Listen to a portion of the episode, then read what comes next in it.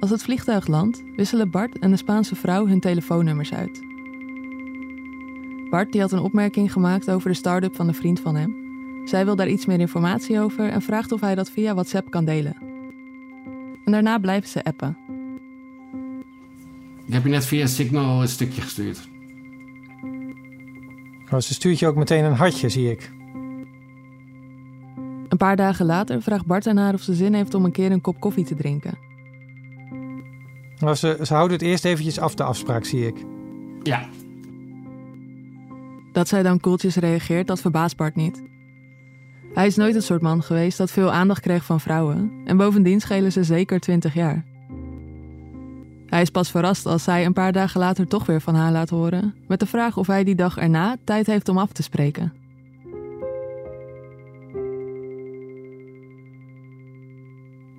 Want eh, eh, nee, die zien elkaar dus een eerste keer. Hebben jullie het dan, waar, waar hebben jullie het dan over? Want eigenlijk, er is toch eh, eigenlijk geen reden om af te spreken, zou je denken.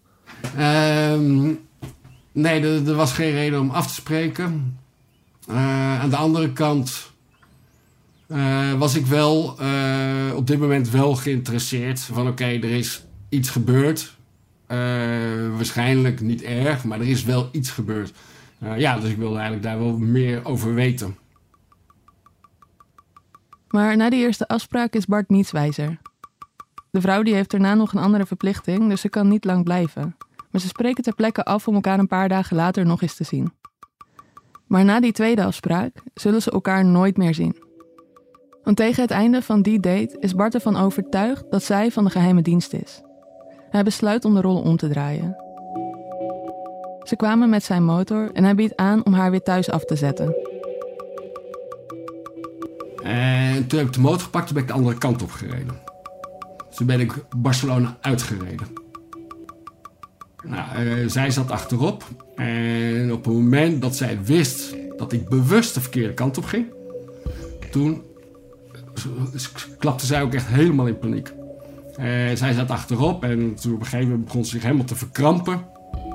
En ik reed steeds harder en steeds verder weg. En, en ik merkte dat zij dat echt helemaal niet leuk vond. Maar niet, niet leuk van, oké, wat gebeurt er? Maar echt dat ze dat echt heel vervelend vond. Ja, maar ik zou het ook beangstigend vinden als iemand zegt: Ik rijd naar je huis toe. en die rijdt een, een hele andere kant op. Ja. Maar op dat moment liet ik ook duidelijk weten waarom ik dat deed. Van, oké, eh, er zijn hier dingen die niet kloppen. En ik ben, ben gewoon doorgereden. Als deze jonge vrouw niet van de geheime dienst was, dan moet zij in zo'n angst hebben gezeten. Je kan nergens heen en je weet niet waar je naartoe gaat of waarom deze man ervan overtuigd is dat jij een geheim agent bent. En waardoor wist Bart zo zeker dat de jonge Spaanse vrouw van de geheime dienst was? Want zou een geheim agent echt iemand verleiden om bij informatie te komen? Of is dat meer iets uit een James Bond film? Je luistert naar Dit kan geen toeval zijn. Aflevering 2 een rare date. Mijn naam is Simone Eleveld en ik maak deze podcast samen met Huip Modderkolk.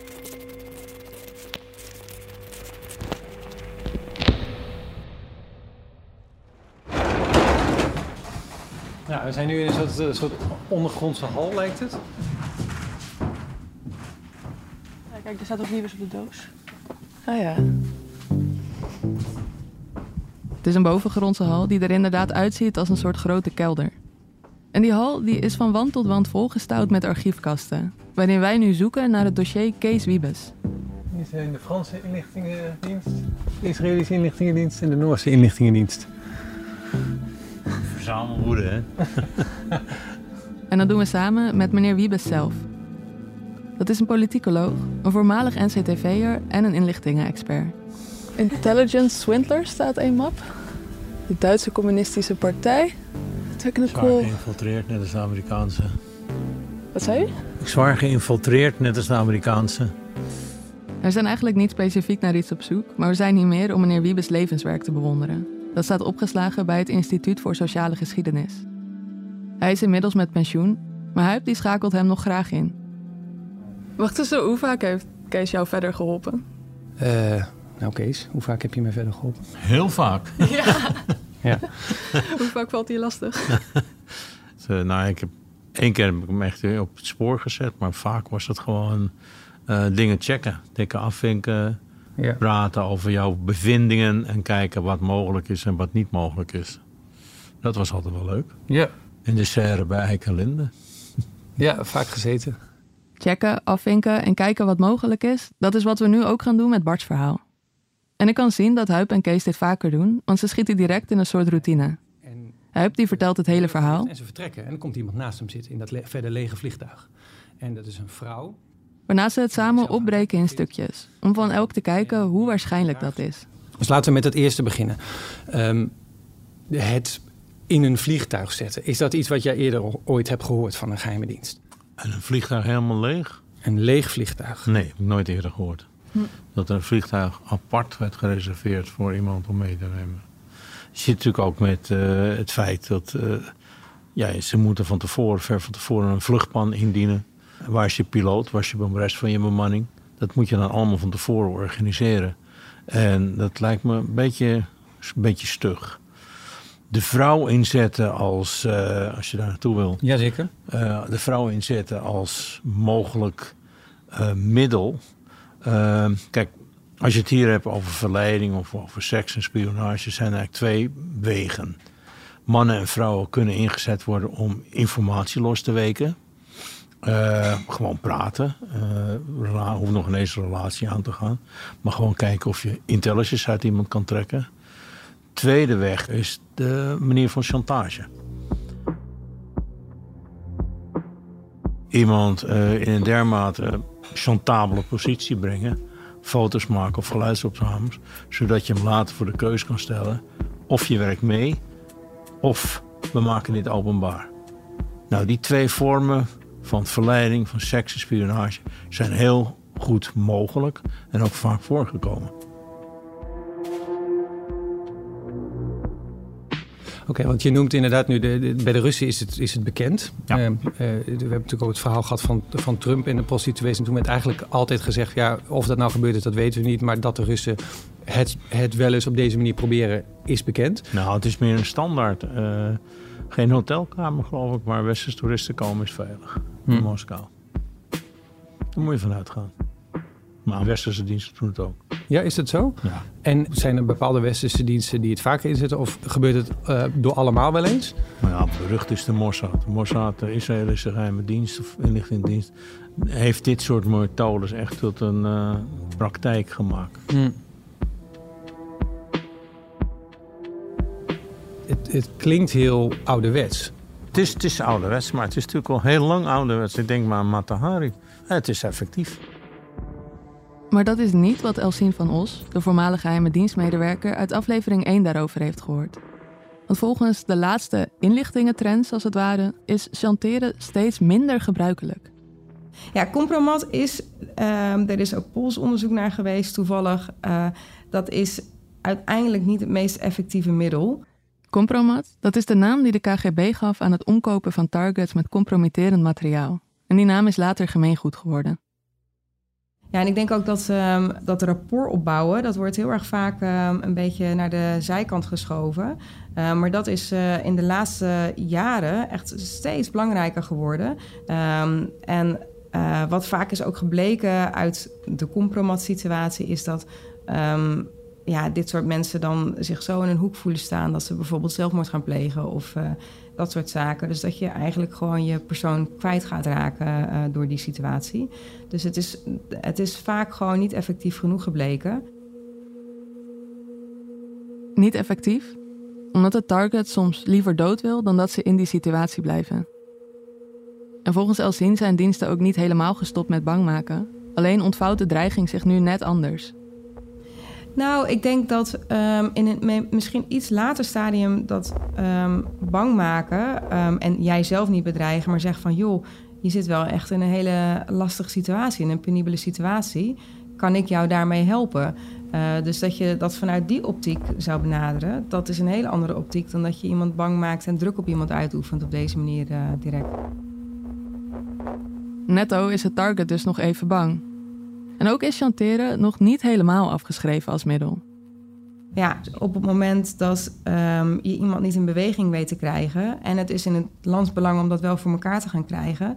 dan heb je dat nog wel als een pressiemiddel achter de hand... als het echt noodzakelijk zou gaan worden. En dat compromitterend materiaal wordt dan ook vooraf geregeld, zodat je het altijd in kan zetten als het nodig is om snel de druk op te voeren. Maar is dit wat Bart is overkomen? En is dat waarom hij knapte tijdens die tweede date? Als hij weer met de jonge vrouw afspreekt, dan begint het in ieder geval heel ontspannen.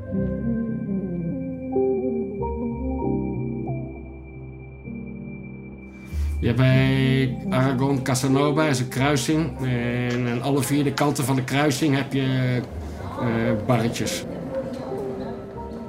Hebben we afgesproken. Uh, hebben we daar wat gedronken. Daarna zijn we naar het uh, strand gegaan. Toen hebben we daar wat gedronken. Toen pakte ze op een gegeven moment mijn hand.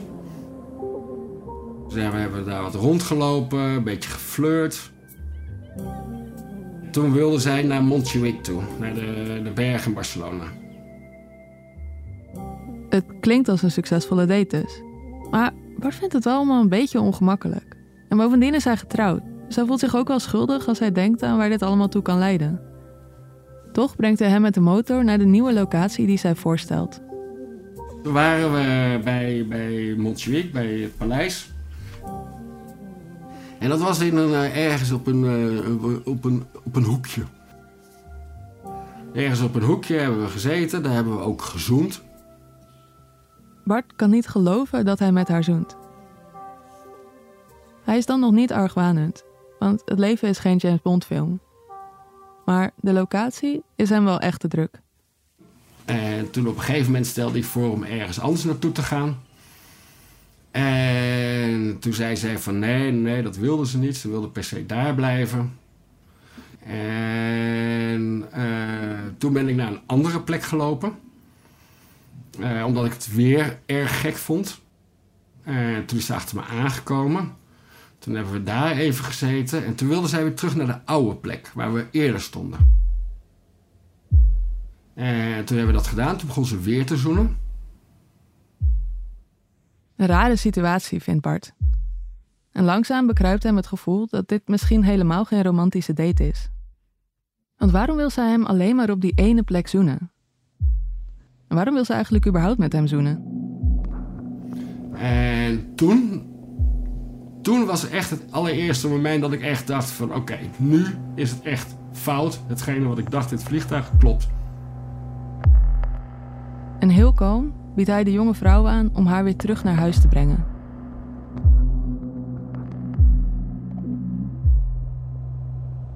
Pas als ze Barcelona uitrijden, bedenkt Bart zich dat hij eigenlijk geen idee heeft wat zijn plan is.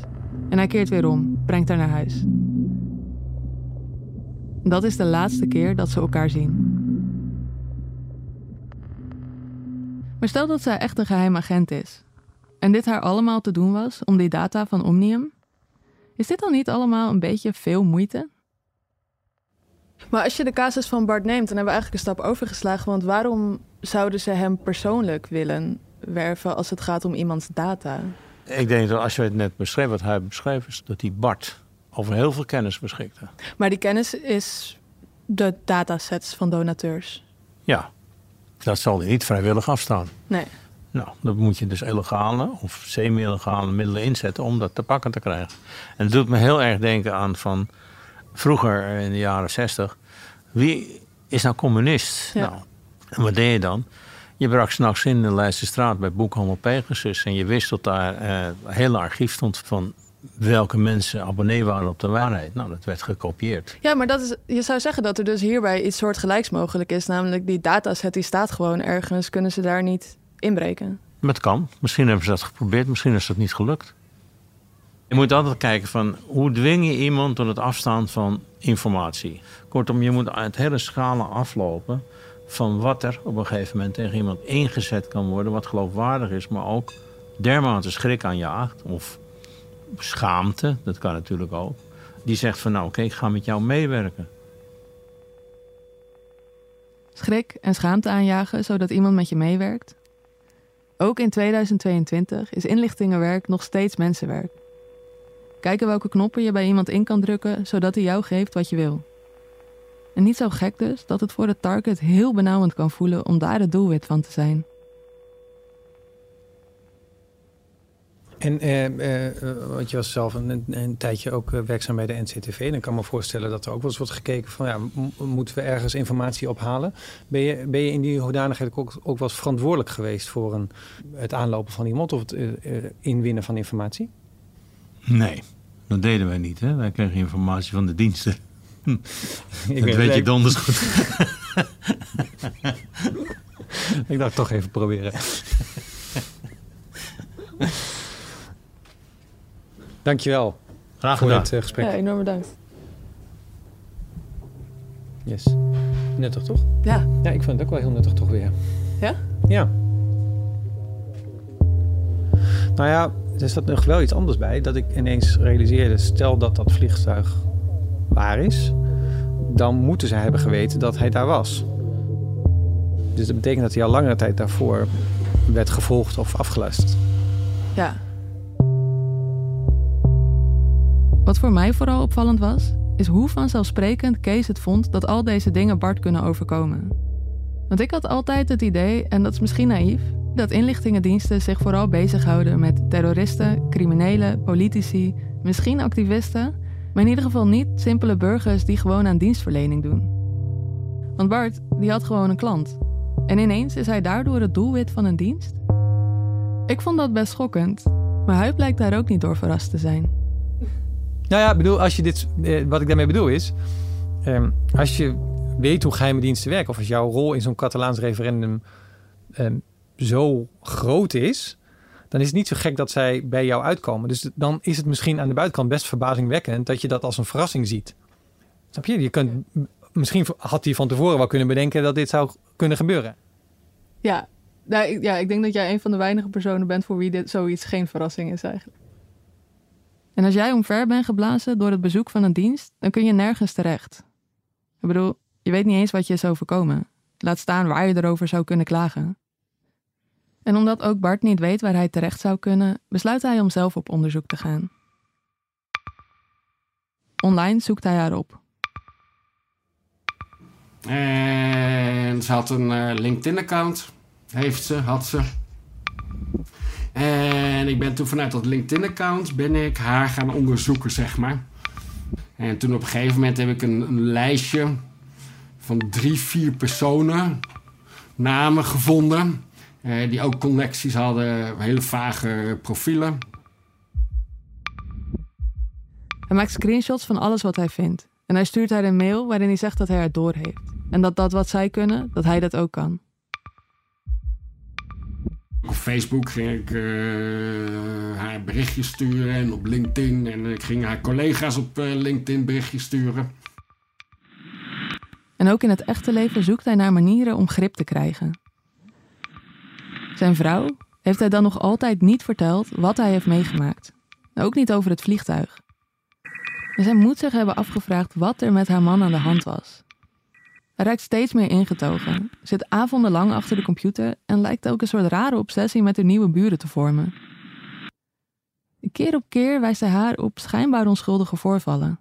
Van, moet je nou eens kijken, het regent en dan staat het raam weer open. En moet je kijken, dat was vroeger een slaapkamer. En er staan nu allemaal uh, schappen in de, in, in, de kamer. Dus het is een kantoor geworden. En overdag waren er niemand, was er niemand. En s'avonds waren er wel mensen. Dus het was eigenlijk een verhaal.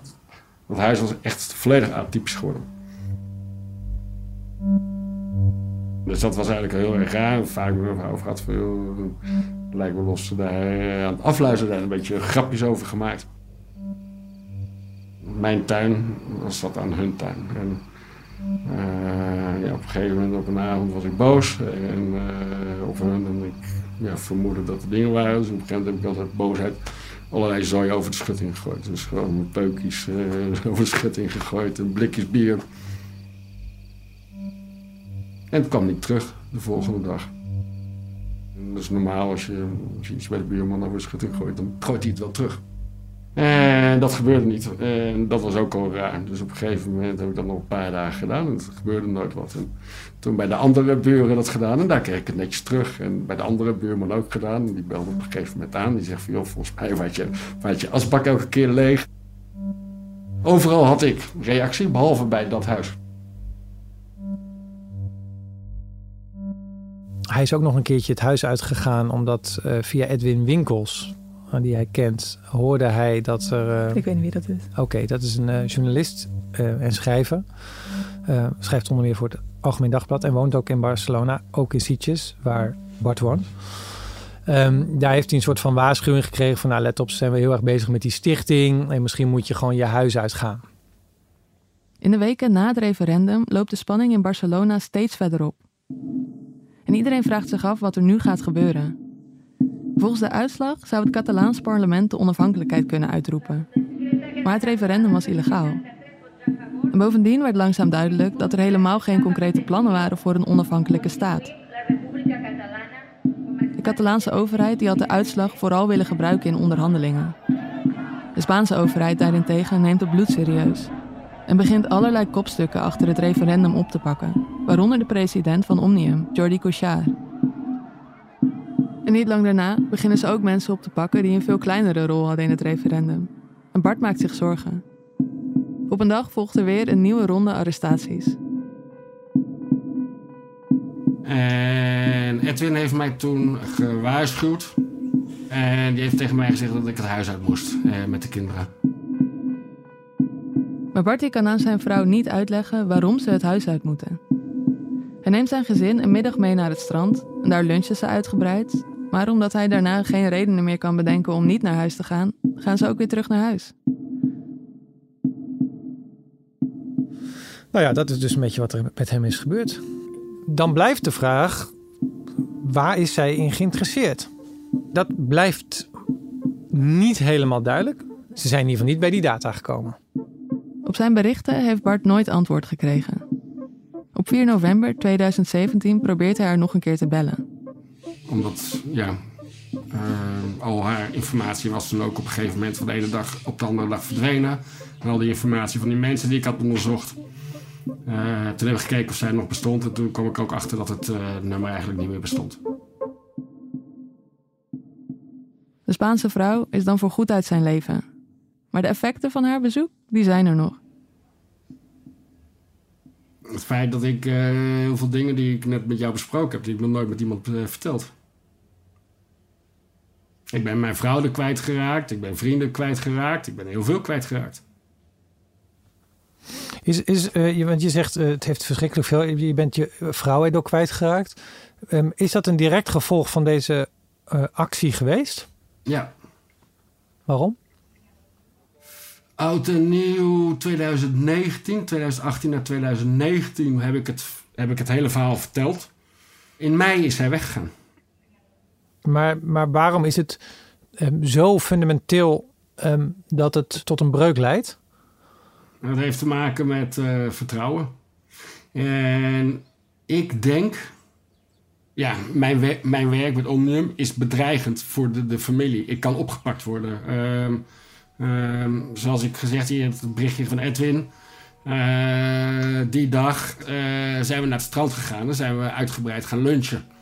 Uh, toen zij met oud en nieuw hoorde waarom we dat hebben gedaan, was zij natuurlijk niet blij. Dus dat soort dingen zijn gebeurd. Ja, en als andere mensen tegen haar zeggen van joh, dat, dat, dat, dat dat klopt helemaal niet. Die, die gast is gek. Ja, dan, dan, dan, ben ik, dan ben ik gek. Hmm. Hoe komt dat? Nou, ik zeg omdat het een raar verhaal is. Het is een verhaal wat niet te staven is.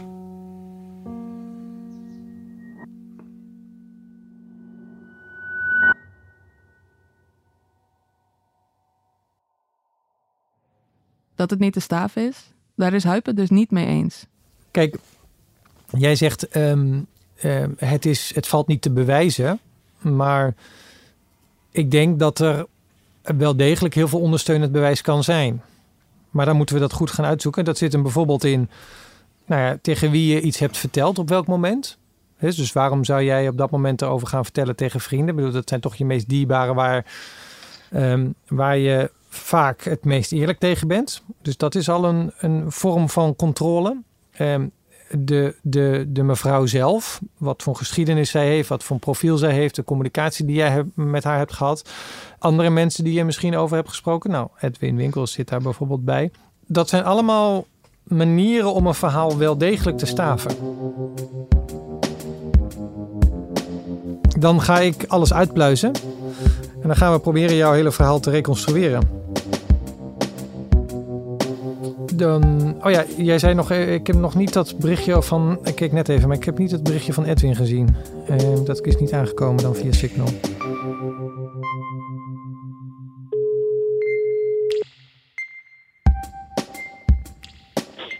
Edwin. Edwin, goedemorgen met Huip Modderkolk. Hoi Huip, hallo. Hoi. Hallo. En inderdaad, ze kennen elkaar. Via de expat in Barcelona. En in de eerste weken na het referendum werd Edwin door Bart benaderd. Ja, er was toen op een gegeven moment dat, dat Spaanse justitie de, dus processen begon, of onderzoek begon... Mhm. naar nou mensen of bedrijven die zich op een of andere manier bezig hielden met, uh, met het referendum. Ik weet dat het mij daar nog over hij zei, ja, van hè, hoe erg kan dat zijn of zo? Hoe, hoe houdt de justitie zich ermee bezig? Dat de sfeer in Barcelona toen nogal gespannen was, dat merkte Edwin ook kijk, toen, toen was er een soort ja, van heksenjacht op alles wat natuurlijk rond dat, uh, uh, rond dat referendum speelde. En Edwin kon ook zien wat die heksenjacht met Bart deed. Ja, nou ja, hij maakte zich wel zorgen, ja. Mhm. En uh, heb jij hem ook wel eens gewaarschuwd? Van nou, misschien wordt het nu wel erg spannend? Nee. Nee, nee, nee. Nee, want daar heb ik ook nooit meer contact gehad volgens mij. Nee. Nou, hij, hij zelfs zei dat er een moment was dat volgens mij jij belde. Van nou, nu wordt het wel echt spannend. En toen is hij zelf ook zijn huis uitgegaan. En toen is hij ergens gaan lunchen met zijn gezin. Nee, onzin. Althans, ik, nee. Althans, ik, ik heb... Nee. Nee. Ik heb niet gewaarschuwd van... Uh, van pas op, ze komen achter je aan of wat dan ook. Absoluut niet. Nee.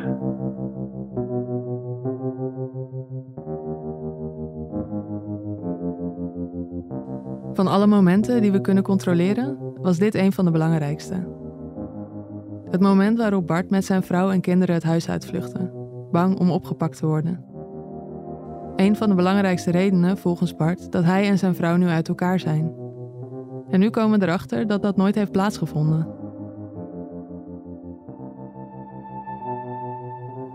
Want wat, was, uh, wat zei Bart nog meer dat Edwin aan hem had verteld? Weet je dat?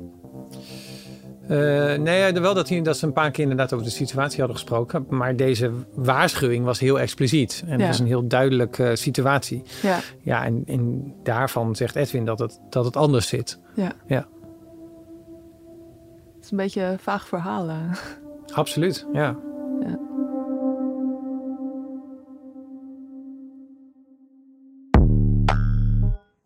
In de volgende aflevering hoor je hoe geheime diensten een soort nieuwe wereld scheppen. Ik heb ook wel eens meegemaakt dat je het idee hebt dat inlichtingdiensten in je geïnteresseerd zijn. En dan kun je wel heel veel zien. Een wereld die niemand anders kan zien. Een soort Truman Show is het gewoon. Hè? Shit, ik moet hier weg. Dat is, dat is niet goed. Ik, nu word ik gevolgd. En hoe bewaak je in die wereld de grens tussen paranoia en werkelijkheid? Als ik s'avonds nog iets ging eten, dan volgden die mensen mee naar het restaurant. Wat het doel ook is, Jij verliest het. Ja, dat is geen leuke gedachte.